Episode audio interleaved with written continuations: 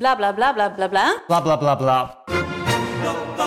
Idealen zijn prachtig, maar woorden verliezen betekenis als je niks doet. Dus laten we met z'n allen wat minder praten en meer doen. Bij Agmea zijn wij vast begonnen. Zo gaan wij voor minder verkeersslachtoffers, gezonde werknemers en duurzame woningen. Waar ga jij voor? Kijk op www.werkenbijagmea.nl Hey VIZSM-luisteraar. Wil jij genieten van de beste VI Pro-artikelen, video's en podcasts? En wil jij nog meer inzichten krijgen rond al het voetbalnieuws? Word dan nu lid van VI Pro. Voor exclusieve podcasts, tactische analyses, interviews met spelers en financiële inzichten. Ga nu naar vi.nl slash zsmpro voor de scherpste aanbieding.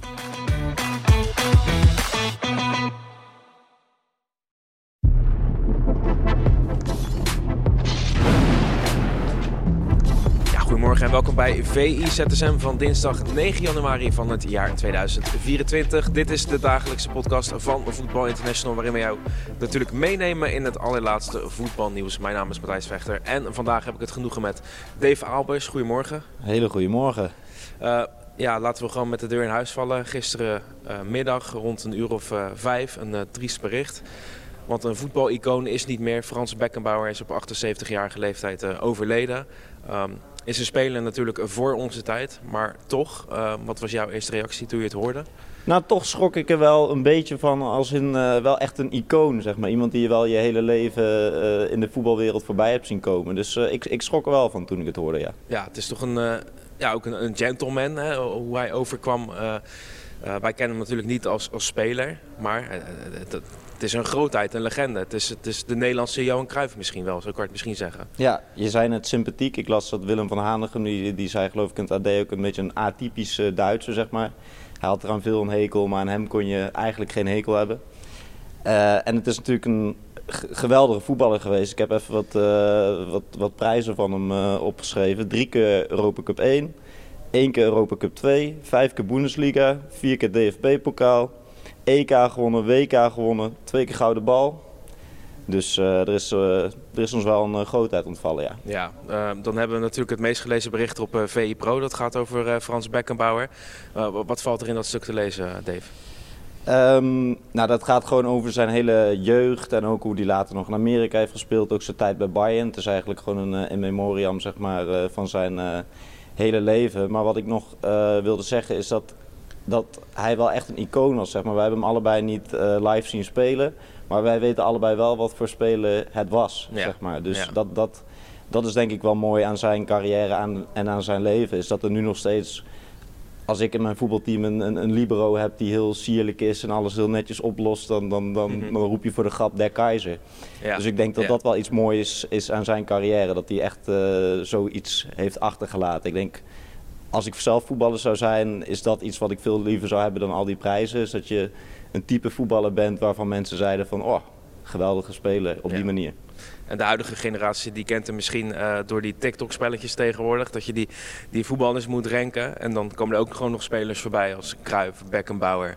En die, uh, ja, die worden dan alsnog hoog gerankt natuurlijk. Uh, en volledig terecht. Ja. En volledig terecht dat jij nog even de bijnaam van Frans Beckenbauer noemt. De Keizer. Wat een, een, geweldige bijnaam is dat eigenlijk, hè? Dan heb je denk ik goed gedaan in het leven als, als je De Keizer wordt genoemd. Dus uh, ja, triest dat hij ons, ons is ontvallen. Maar mooi dat we hem aan zijn geweldige carrière kunnen herinneren. Zeker weten. Um, ja, dan gaan we over tot de orde van de dag natuurlijk. Want de bal heeft gisteravond ook gewoon nog gerold.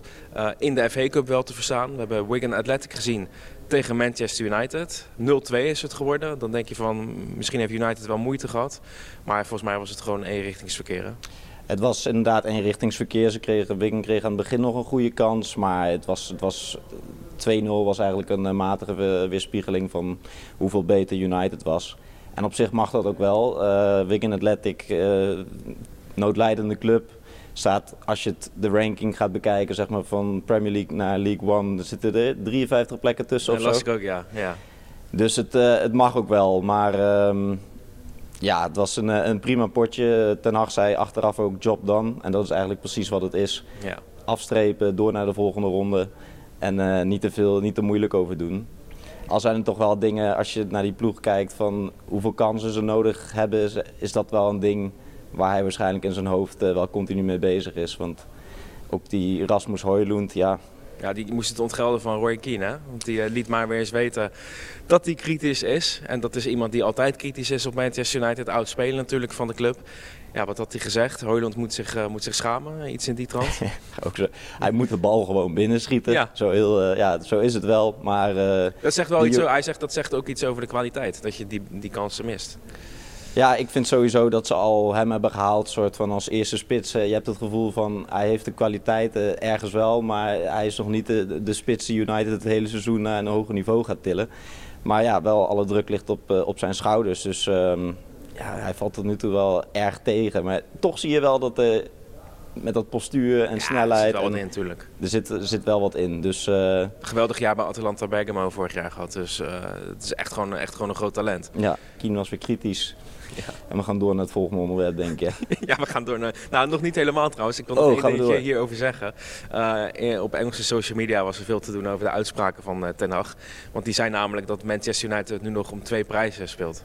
De Premier League en de FA Cup. En, er werd nogal wat gelachen om eh, het feit dat, dat United dan nog eventueel zou spelen om de Premier League. Ja, ze staan, eh, ze staan achtste, dus dat is eh, erg optimistisch eh, van Ten Hag. Maar Ja, feitelijk zou het nog kunnen. Maar zou nog kunnen inderdaad. ik, dat gaat, gaat denk ik niet meer lukken. Ze moeten dit weekend ook meteen weer tegen Spurs, geloof ik.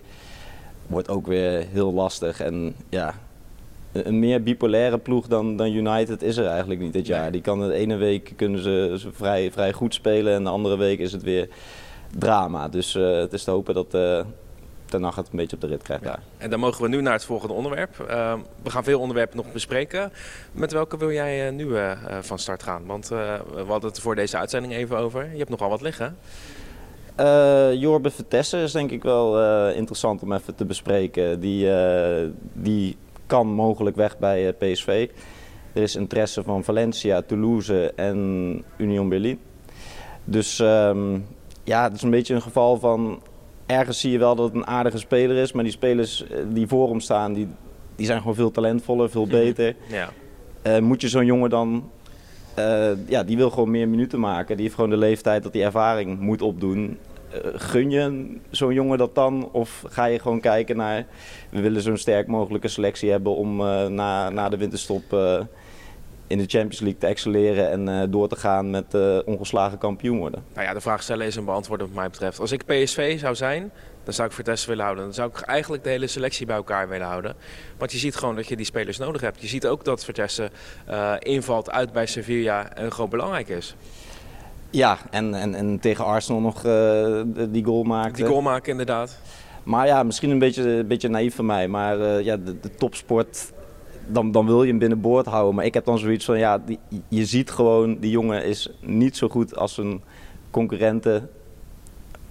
Ja, maar je hebt, je- gewoon, je hebt gewoon een sterke selectie nodig. En je ziet, als Noah Lang geblesseerd is, als Irving Lozano geblesseerd is, je hebt ze gewoon nodig. Ja. Hij gaat echt zijn minuten nog wel krijgen. En ook vanuit het perspectief van Vitesse, als je nu in de winterstop naar, naar zo'n club gaat eh, die genoemd wordt, is het ook niet per se een garantie dat je daar meteen eh, basisspeler gaat worden. Dus Precies. Wintertransfers, het zijn altijd lastige transfers, toch? Ja, dus ehm, ja, ik denk dat eh, Peter Bos in ieder geval eh, wat gesprekken met hem gaat voeren om hem binnenboord te houden. En ja, het, het is ook een beetje zo'n jongen, het is zo'n super hardwerkende jongen, volgens mij een hele, hele goede, zachtaardige Ja. jongen. Die, die eigenlijk de perfecte wissel, ook al zou hij dat niet graag horen. Dus ehm, Maar voor dit seizoen, laat hem gewoon in dit succesvolle PSV, dat is toch ook geen straf. Om dan misschien, eh, ja, je, je, je bent geen basisspeler, maar toch, eh, misschien af en toe wel. Je maakt je minuten, je kan belangrijk zijn. Het kan een historisch jaar voor PSV worden, natuurlijk, hè, met alle records die er mogelijk eh, kunnen komen nog. Het is toch geen straf om eh, bij die selectie te ja, zitten? het, het, is natuurlijk wel mooi daar onderdeel van te zijn. Ga je Stel toch lekker het jaar daarna weg? Stel je wordt inderdaad ongeslagen kampioen, dan is het zonde als je halverwege bent vertrokken. En inderdaad als je als invaller een keer nog eh, tegen Dortmund in de Champions League een, eh, een goaltje mee kunt pikken. Of op, op die manier cruciaal kunt zijn voor het, eh, voor het topjaar van PSV. Is dat natuurlijk ook een hele mooie doelstelling om, om voor te gaan. Nou ja, goed, we zijn eruit. Mocht Jorben Vertessen luisteren, Jorben, je blijft bij PSV? Ja. Oké. Je hebt me overgehaald. Uitstekend. Hey, dan Jens Toornstra, want die gaat misschien een andere stap maken. Die speelt nu bij FC Utrecht, tenminste hij speelt niet veel. Maar hij kan misschien eh, naar zijn oude liefde. Ja, waar hij ooit zijn uh, profcarrière begon. Uh, later vanuit Alphense Boys natuurlijk uh, doorgestroomd naar ADO Den Haag. En Michel Abink, onze collega, die natuurlijk erg van de, van de cijfers is en van de, van de statistieken ja. en, en nuttige en nutteloze feitjes is. maar die had het over de, de palindroomloopbaan. dus dat betekent dat je dus bij ADO Den Haag begint, dan naar Utrecht gaat, dan naar Feyenoord gaat, dan weer terug naar Utrecht en dan weer terug naar ADO Den Haag. Ja, een soort driehoek eh, piramide krijg je dan. Ja, dus uh, dat zijn, uh, er zijn wel wat spelers die dat ook hebben gehad, zeg maar. Uh, Gianluigi Buffon van, van Parma naar Juventus, naar Paris Saint-Germain, naar Juventus en terug naar Parma. Shevchenko met ja. Dynamo Kiev, Milan, Chelsea, Milan en Dynamo Kiev.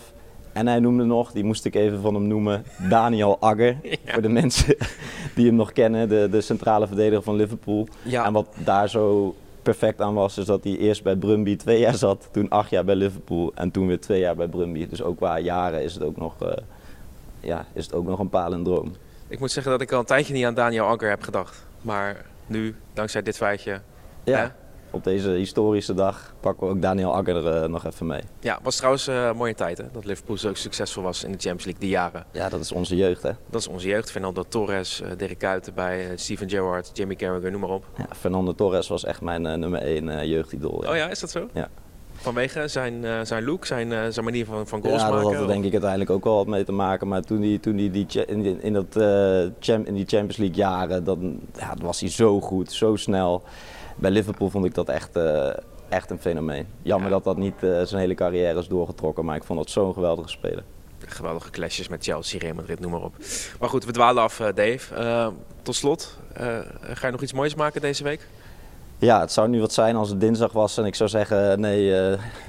zit er niet in deze week? ik zit er niet in deze week, dat was het. Nee, ik heb gisteren een heel leuk interview gehad met Anas Ashabar. Uh, die is tegenwoordig, uh, speelt hij bij, uh, is hij net begonnen bij Westlandia, een, een derde divisieclub. en ja, die kennen we natuurlijk als supertalent. in de Feyenoord jeugd stond, stonden alle topclubs in het buitenland voor hem in de rij. en, en iedereen had wel zoiets van, dat is echt, dat is echt een pareltje. Hij won ook in 2011 het EK onder 17. Um, dus mensen hadden er hele hoge verwachtingen van. En zijn, ja, zijn loopbaan is eigenlijk wat dat betreft een beetje teleurstellend verlopen als je, als je puur naar clubs kijkt. Ja, absoluut. Iedereen herinnert hem vooral, dat heb ik gisteren ook wel gezien uh, toen ik daar was, uh, aan die ene wedstrijd. Uh, PSV thuis. PSV thuis. Dus ja. ook hij moest uh, poseren voor de fotograaf en uh, hoe moet ik kijken? Ja, kijk maar zoals bij de goal tegen, tegen PSV, zei hij. En uh, later kwam ook nog een, een voorzitter van de club aanlopen. En ja, het is voor ons een hele mooie aanwinst. Hij heeft natuurlijk ook nog die goals tegen PSV gemaakt. Dus ja, het is echt een beetje zijn Wim Kief tegen, tegen, tegen Ierland moment. Dus, um... ah, die goals tegen PSV waren geweldig, maar had nog een schitterende goal tegen Herenveen. Ken je die nog? Omhaal. Die, die, heb ik niet op mijn uh, netvlies staan. Ja, want in mijn hoofd had ik wel dat die soort twee van soortachtige ja, ja, ja, vergelijkbare klopt, goals had. Hè? Het seizoen daarna, een schitterende omhaal. Ja, geweldige spelen, geweldige, geweldige techniek. Uh, wel ontzettend klein en heeft het uh, uiteindelijk niet gered. Maar hij heeft, hij heeft wel een hoop wilde avonturen gehad daarna nog. Hij is, voordat hij naar Westlandia kwam, heeft hij een kort Grieks avontuur gehad op het tweede niveau. Nou, dan is het natuurlijk chaos gegarandeerd. En de, de, ja, daar heeft hij hele bijzondere verhalen over verteld. Dat uh, heeft eigenlijk weinig meer met profvoetbal te maken als je, als je daar zit, wat voor faciliteiten en omstandigheden daar zijn. Um, Roemenië nog gezeten? En hij heeft 3,5 jaar in Roemenië gezeten, waar hij wel uh, erg gelukkig was en het erg goed heeft gedaan. Ik geloof uh, drie keer de beker heeft gewonnen. Maar uh, daar heeft hij ook echt krankzinnige dingen meegemaakt met, met, met knotsgekke trainers. dat heeft hij allemaal verteld. En dat kunnen mensen dit weekend op VI Pro gaan lezen. Die wedstrijd tegen PSV, ik, ik, ik, zie het nog zo voor me inderdaad. Ja. De eerste goal vond ik schitterend, maar ik vond die tweede goal misschien nog wel mooier. De combinatie met, uh, met Jean-Paul Boetius. Ja, dat is een stiekem wegliep. Ja, stiekem wegliep. Het wippertje van Boetius aannemen op, de, op het bovenbeen. En, en ja, in de, in de verre hoek schieten. Ja, schitterend. Oké okay, Dave, mag ik jou bedanken voor deze VI ZSM? Ja, tuurlijk. Dankjewel. Tot ZSM. Tot ZSM. Wil jij nagenieten van de beste VI Pro artikelen, video's en podcast? En wil jij meer inzichten krijgen rond al het voetbalnieuws? Word dan nu lid van VI Pro. Voor exclusieve podcasts, tactische analyses, interviews met spelers en financiële inzichten. Ga nu naar vi.nl/zsmpro voor de scherpste aanbieding.